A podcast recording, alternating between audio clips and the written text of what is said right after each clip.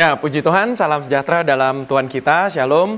Kembali berjumpa dalam program pembekalan karakter Faith Minutes Live yang hadir setiap hari Kamis pukul 19.00 waktu Indonesia bagian Barat.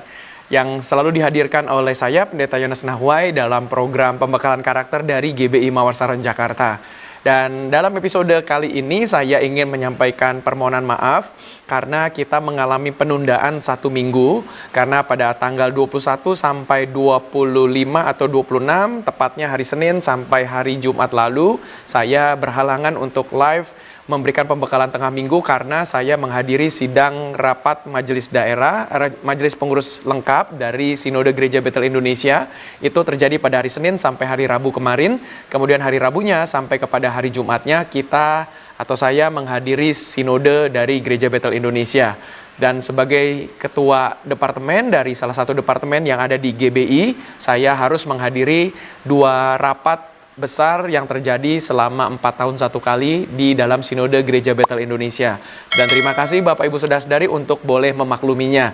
Dan puji Tuhan, hari ini dalam episode pembekalan karakter yang jatuh pada hari Kamis tanggal 31 Agustus 2023, kita kembali mengudara.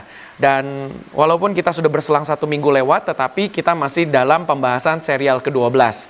Serial ke-12 ini berbicara tentang hati adalah sum, tempat sumber roh pemecah. Dan ini merupakan satu pembahasan yang penting karena dalam pembahasan ini saya mengalaminya dan kita semua bisa juga mengalami hal yang sama di mana kita dalam diri kita ini ada roh pemecah. Dan seperti biasa, pembahasan ini sudah kita ambil dari pembahasan yang sudah berjalan dari bulan Juni kemarin sampai kepada bulan Agustus sekarang ini. Dan kita sudah menjelang sampai kepada bulan September. Dan pembahasan ini akan selesai pada bulan September ini, tepatnya pada tanggal 21 September nanti. Jadi seri ke-12 ini sudah merupakan serial yang berjalan sekitar 2-3 bulan ini dan judul serial ini adalah 15 alasan untuk menjaga hati. Dan 15 alasan ini dapat dijumpai dari daftar 15 perbuatan-perbuatan daging yang ada di dalam kitab Galatia. Dan kita membahasnya ini masuk ke dalam pembekalan karakter. Dan karakter yang kelima ke-12 ini yaitu adalah karakter roh pemecah. Dan di dalam diri kita ini semua dari muncul hati kita itu roh pemecah pun juga bisa muncul dari dalam hati kita. Maka itu Bapak Ibu sudah sadari, kalau kita melihat dalam bahasa Yunaninya, teks aslinya dalam kitab Galatia, ketika dikatakan roh pemecah, maka kata dasar yang digunakan di sana adalah hairesis. Kata hairesis itu bisa berarti adalah pilihan atau pendapat. Betapa menariknya ketika kata hairesis ini yang berarti choice atau pilihan atau juga adalah opinion, yaitu adalah pendapat atau opini. Dan betapa menariknya ketika digunakan di dalam uh, kalimat, kata high resist ini biasanya adalah pendapat yang adalah dari hasil pilihan sendiri. Atau juga bisa dikatakan ini memang agak berbeda jauh definisinya atau dalam penggunaan kalimatnya high resist ini bisa juga dikatakan atau digambarkan dalam penggunaan bahasa Yunani adalah sebuah uh, sekte agama atau sebuah sekte filosofis. Karena bagi orang-orang Yunani, filosofis itu sangat penting dan merupakan salah satu akar dari orang-orang Yunani di mana mereka melahirkan filsuf-filsuf. Seperti dalam kata Alkitab, orang Yunani itu selalu mencari hikmat, sementara orang Yahudi selalu mencari tanda. Maka itu kita bisa lihat bahwa di dalam penggunaannya bahasa Yunani hairesis itu bisa berarti juga adalah sekte sebuah pandangan agama atau sekte dari orang-orang yang punya filosofi masing-masing. Atau bisa juga uh, dalam penggunaannya hairesis itu dikatakan discord or contention. Jadi ini adalah dalam pengertian bahasa Inggris, tetapi kalau kita dalam penggunaan bahasa Indonesia, saya pikir ini tidak terlalu menjadi fokus kita. Fokus kita adalah lebih ke soal agama tadi, sekte agama atau juga sekte dari seorang filsuf atau filsuf-filsuf. Maka itu Bapak Ibu sudah dari dari kata discord tadi, discord itu adalah disagreement between people. Itu dari definisi kata discord yang juga dalam penggunaan kata hierarchies itu bisa berarti discord. Kemudian discord itu juga bisa berarti lack of agreement or harmony between things. Artinya adalah kekurangan dari kesepakatan atau sebuah harmonisasi dari orang atau benda-benda. Misalnya ketika contoh kita menggunakan baju warna biru, celananya misalnya warnanya kuning, dalam kode berpakaian mungkin saja kita bisa berkata itu tidak sinkron antara pakaian dengan warna celananya karena atasnya warna biru, bawahnya warna kuning. Mungkin kalau untuk pertunjukan drama atau pertandingan olahraga, baju tim olahraga itu memang boleh saja mencolok warnanya, tetapi kalau dalam sehari-hari rasa-rasanya sangat jarang orang akan berani atau rela menggunakan celana kuning, apalagi kalau laki-laki. Dengan kata lain, ini bisa digambarkan juga dalam bentuk penggunaan high resist. Jadi kalau ada orang misalnya dalam sehari-hari aktivitasnya, waduh pakai celana kuning, bajunya biru, kemudian sepatunya merah, ini kita bisa berkata bajunya nggak high resist. Nah, oke. Okay. Kemudian juga high resist itu bisa berarti contention. Contention itu artinya heated disagreement. Sebuah ketidaksepakatan yang memanas. Itulah definisi yang pertama dari kata contention. Atau yang kedua adalah an assertion, especially one maintained in argument. Jadi adalah sebuah pendapat yang selalu dipertahankan dalam sebuah argumentasi. Itu adalah contention. Oke, jadi setidaknya Bapak Ibu sudah sadari dari beberapa definisi yang saya hadirkan ini tentang kata high resist, maka kita bisa nanti akan masuk dalam lima kupasan atau ada lima jenis roh pemecah yang bisa muncul dari dalam diri kita dan ini harus kita waspadai. Oke, yang terakhir, selain kata roh pemecah, ada yang pertama itu yaitu adalah roh. Roh itu dalam kamus besar bahasa Indonesia adalah sesuatu unsur yang ada dalam jasad yang diciptakan Tuhan sebagai penyebab adanya hidup atau kehidupan. Jadi itu adalah unsur dalam diri kita yang membuat kita hidup. Kemudian yang kedua, roh itu adalah makhluk hidup yang tidak berjasad. Tetapi berpikiran dan berperasaan. Contohnya malaikat, jin, setan, dan sebagainya. Nah, oke. Okay. Kemudian juga yang ketiga, dalam bentuk kiasan, roh itu bisa berarti semangat atau bisa juga berarti spirit. Nah, ini yang akan kita sentuh dalam pembahasan kupasan dalam episode ke-12 ini. Oke, kemudian kata pemecah. Pemecah itu dalam Kamus Besar Bahasa Indonesia didefinisikan sebagai orang yang memecah. Orang yang memecahkan. Nah, itu adalah pecah. Uh, pemecah maksudnya. Kemudian pemecah itu juga bisa berarti alat untuk memecahkan. Contohnya misalnya kita pergunakan um, apa namanya palu untuk memecahkan kaca. Nah, itu juga bisa sebagai pemecah. Oke. Nah, kata pemecah ini punya kata dasar yaitu adalah terbelah menjadi beberapa bagian, retak atau rekah, tentang kulit, tanah dan sebagainya. Bisa juga pecah itu adalah rusak atau belah kulitnya, misalnya contoh dindingnya hingga isinya keluar. Contoh misal tentang telur, ban, bisul dan sebagainya. Oke, nah kita bisa masuk ke dalam definisi berikutnya. Yang keempat, Pecah itu juga bisa berarti menjadi cair atau bergumpal-gumpal, contohnya tentang air susu, santan, dan sebagainya. Pecah juga bisa berarti bercerai-cerai, tidak bersatu atau tidak kompak lagi. Bisa juga berarti hilang, yaitu misal tentang kepercayaan. Kemudian juga yang keenam, tersiar, itu tentang kabar atau rahasia. Bisa juga, uh, waduh beritanya sudah pecah artinya kabarnya itu sudah tersiar ke mana-mana. Kemudian bisa juga uh, pecah itu artinya mulai, kemudian juga misalnya pecah itu adalah kalah, kemudian yang kesembilan pecah itu juga bisa berarti sem sember, biasanya tentang bunyi, misalnya dari speaker, wah speakernya ini sudah sember ya, artinya suaranya pecah. Kemudian um, dalam bentuk kiasan, pecah itu juga bisa berarti bubar atau usai. Yang terakhir definisi yang ke-11 adalah pecah itu juga bisa berarti terkalahkan, misalnya tentang lawan. Nah, oke, okay, dari 11 definisi itu saya coba rangkumkan dalam pembahasan sehingga kita bisa simpulkan saja dulu lah ini pra kesimpulan. Roh pemecah itu adalah semangat orang yang membelah dan mencerai-cerai. Jadi dengan kata lain kita akan masuk dalam pembahasan ini ada lima karakter roh pemecah yang bisa muncul dari hati kita. Makanya kita harus waspadai supaya restorasi bisa terjadi dalam diri kita dan juga tentunya restorasi dengan hubungan kita dengan orang lain pun bisa tercapai. Atau kita yang punya hubungan yang rusak dengan orang lain bisa dipulihkan. Maka itu dalam pembahasan hari ini bicara tentang roh pemecah ini muncul dari diri kita. Maka itu kita perhatikan yang pertama. Karakter yang pertama dari roh pemecah yang bisa muncul dari dalam diri kita adalah semangat dengan hati yang panas untuk tidak sepakat. Nah, ini bisa terjadi bahwa ketika misalnya kita mau berjumpa dengan orang dan kita ingin berbicara dengan orang tersebut, contohnya ketika misalnya motor kita terserempet, mobil kita terserempet, lalu kita sepakat menepi di tepi jalan, lalu kita ber menepikan kendaraan itu dengan harapan untuk kita berargumentasi atau kita berbincang-bincang membangun komunikasi. Tetapi ternyata bisa juga ketika kita punya mobil terserempet atau motor terserempet, kita bisa saja panas hati. Maka dengan kata lain ketika kita turun menepikan kendaraan kita, semangatnya itu adalah dengan hati panas untuk tidak sepakat. Misalnya, saya tidak terima motor saya, mobil saya diserempet karena Bapak itu ngebut-ngebut dan seterusnya. Maka itu ini bisa menjadi gambaran bahwa ini muncul dari hati kita, kesepakatan atau dengan semangat, itikat untuk berbicara, namun dengan hati yang panas untuk tidak sepakat. Maka itu ini bisa menghasilkan kecekcokan, bisa juga akhirnya berdebat panas, bisa juga saling tidak mau ngalah. Nah ini muncul dari diri kita.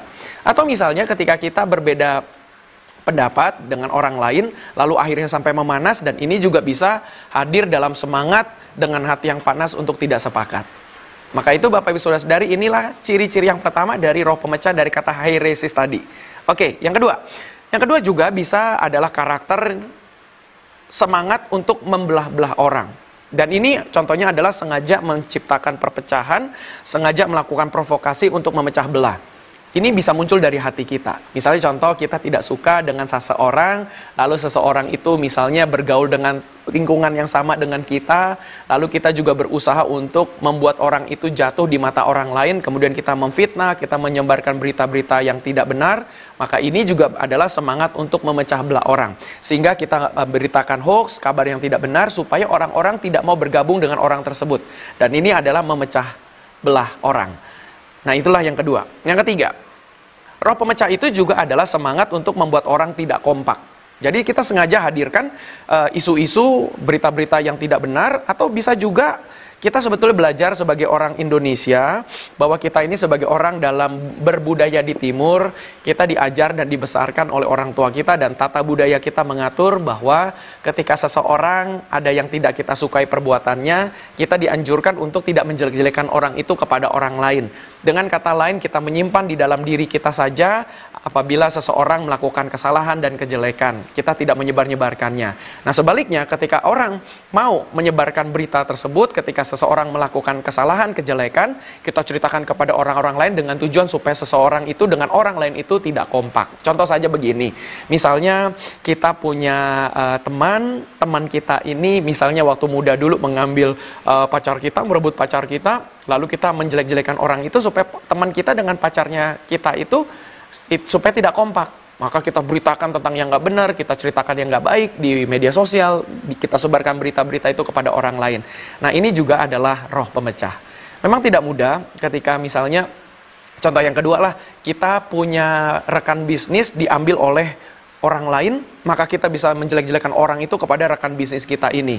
Maka ini juga adalah roh pemecah. Memang tidak mudah menjalani hidup ini dalam ya berbagai macam situasi keadaan yang terjadi dalam hidup kita ini khususnya ketika hal-hal tersebut dalam keadaan yang tidak kita sukai maka tidak mudah. Roh pemecah itu akan muncul keluar dari diri kita. Kita bisa berpotensi menjelek-jelekan orang lain kita bisa memfitnah. Nah itu adalah roh pemecah high resist. Yang keempat ciri-ciri atau karakter yang keempat dari roh pemecah ini adalah semangat untuk membubarkan kesatuan ini contohnya adalah perkataan atau pendapat yang bertujuan untuk merusak kesatuan. Kita nggak suka orang-orang bersatu, kita mau memecah belah, kita sebarkan fitnah, kita sebarkan hoax, supaya orang itu tidak lagi bersatu, tidak punya kesatuan. Dan ini muncul dari diri kita. Misalnya lagi contoh dalam berbisnis, misalnya kita berdagang, jenis dagangan kita itu atau produk jasa yang kita berikan kepada konsumen sama dengan orang di sebelah kita. Atau contohnya, suatu waktu kita dalam berbisnis, tahu-taunya di dalam bisnis kita itu eh di sebelah toko kita di seberang atau dalam satu kompleks yang sama atau dalam satu gedung yang sama kok bisa ada bisnis yang sama dan orang membukanya dalam posisi yang sama di area yang sama. Nah, bisa saja kita sebarkan berita-berita palsu supaya ini membubarkan kesatuan, supaya dia bisa tutup, bangkrut, dan seterusnya. Atau dalam kelompok, ketika kita juga menyebarkan hoax, memberitakan kabar yang tidak baik, ini juga dengan tujuan membubarkan kesatuan dari kelompok tersebut. Contoh saja kalau dalam bidang saya gereja, memang tidak sedikit gereja buka di Kelapa Gading dan tentu saya sebagai seorang gembala, pendeta yang Tuhan utus membuka pelayanan di Kelapa Gading dan kalau saya boleh berkata GBI Mawar Saron Jakarta ini yang berlokasi di Kelapa Gading merupakan salah satu gereja tertua lah yang ada di Kelapa Gading. Pada tahun 1995-96 kita sudah masuk ke Kelapa Gading dan pada saat itu gereja belum banyak. Hanya beberapa gereja saja segelintir yang ada di Kelapa Gading. Bahkan kalau saya boleh ingat-ingat, gereja Battle Indonesia, sinode kita ini yang biasa disingkat GBI, rasa-rasanya masih belum ada di Kelapa Gading pada tahun 95-96 itu. Atau kalaupun ada, pasti jumlahnya tidak banyak. Jadi dengan kata lain kita sebagai GBI merupakan salah satu GBI tertua yang ada di Kelapa Gading, di Kecamatan Kelapa Gading. Tetapi akhirnya sekarang sudah banyak GBI buka, kemudian belum lagi dari sinode-sinode lain ikut masuk ke dalam Kelapa Gading. Lantas apakah yang harus kita lakukan sebagai sebuah gereja? Apakah kita memecah belah jemaat mereka? Tentu jawabannya adalah tidak boleh. Karena itu pasti melanggar dari apa yang Tuhan inginkan. Jadi dengan kata lain biar saja tidak apa-apa ketika misalnya ada gereja-gereja lain buka dekat gereja kita dan masuk dalam bentuk uh, gereja juga di Kelapa Gading dan kita ditantang untuk hati kita harus kita kendalikan supaya roh pemecah itu tidak muncul dari diri kita. Tentu ketika saya sebagai seorang manusia pasti tidak suka ketika misalnya atau tidak bahagia atau terganggu ketika ada gereja-gereja buka di Kelapa Gading tentu sebagai seorang manusia tapi memang ini sikap kedagingan dosa dalam diri kita itu yang ingin memecah belah, tentu ini tidak boleh keluar dari diri kita dan harus kita tahan terus. Jadi sama juga dengan diri kita ketika kita berdagang, ketika kita memberikan produk jasa kepada orang lain, pelayanan jasa, maka tidak mudah ketika ada berjumpa juga saingan-saingan yang ada di sekitar kita, maka pasti kita punya kedagingan ingin memecah belah dari orang itu, membubarkan kesatuan dan seterusnya. Oke, yang terakhir, yang kelima. Karakter dari roh pemecah itu adalah semangat untuk mengalahkan orang lain. Jadi sengaja menjatuhkan orang lain, semacam eh, sengaja juga kita uh, menjelek-jelekan orang lain, bahkan melakukan sabotase supaya kita bisa mengalahkan orang lain itu. Orang lain itu kalah dan kita yang menang.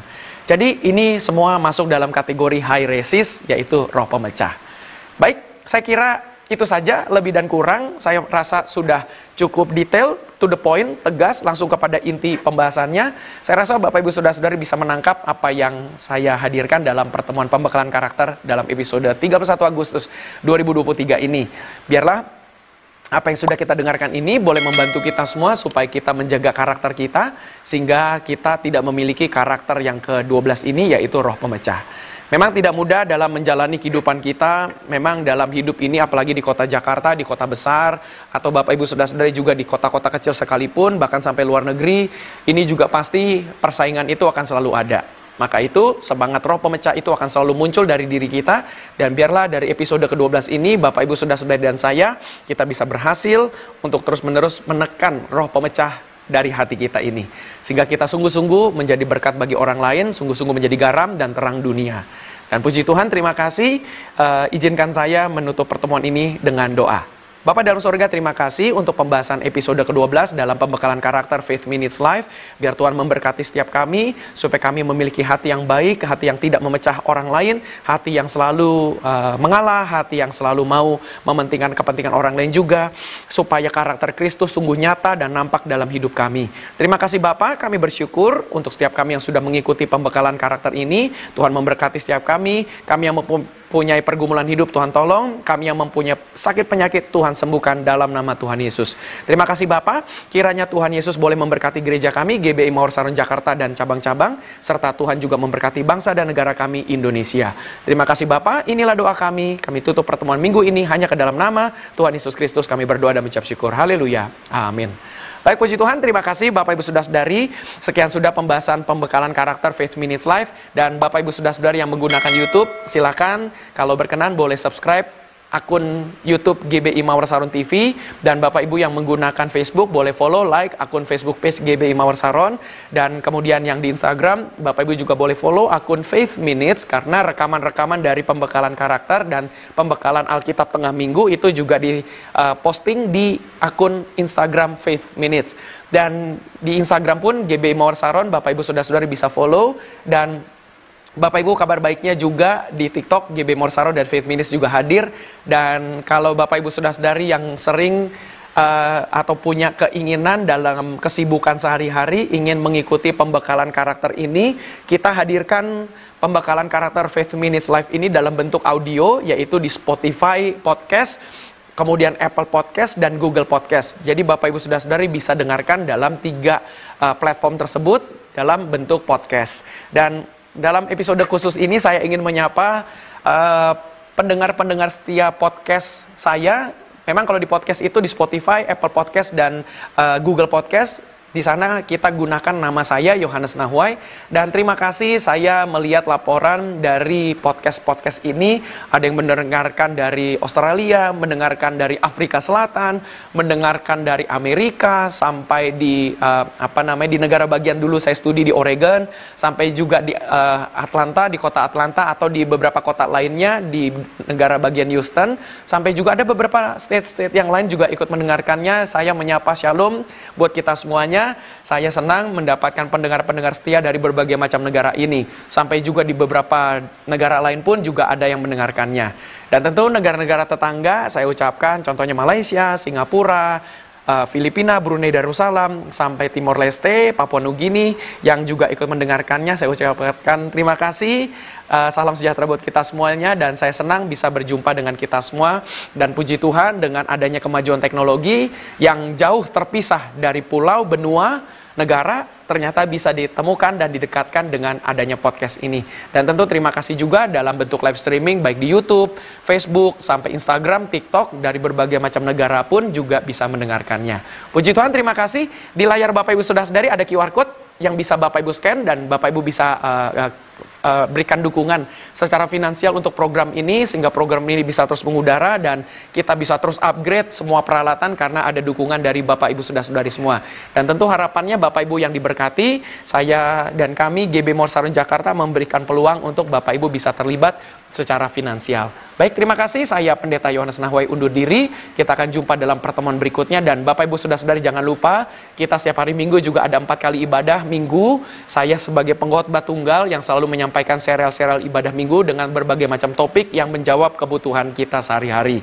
Puji Tuhan, kita akan jumpa dalam pertemuan berikutnya. Tuhan Yesus memberkati.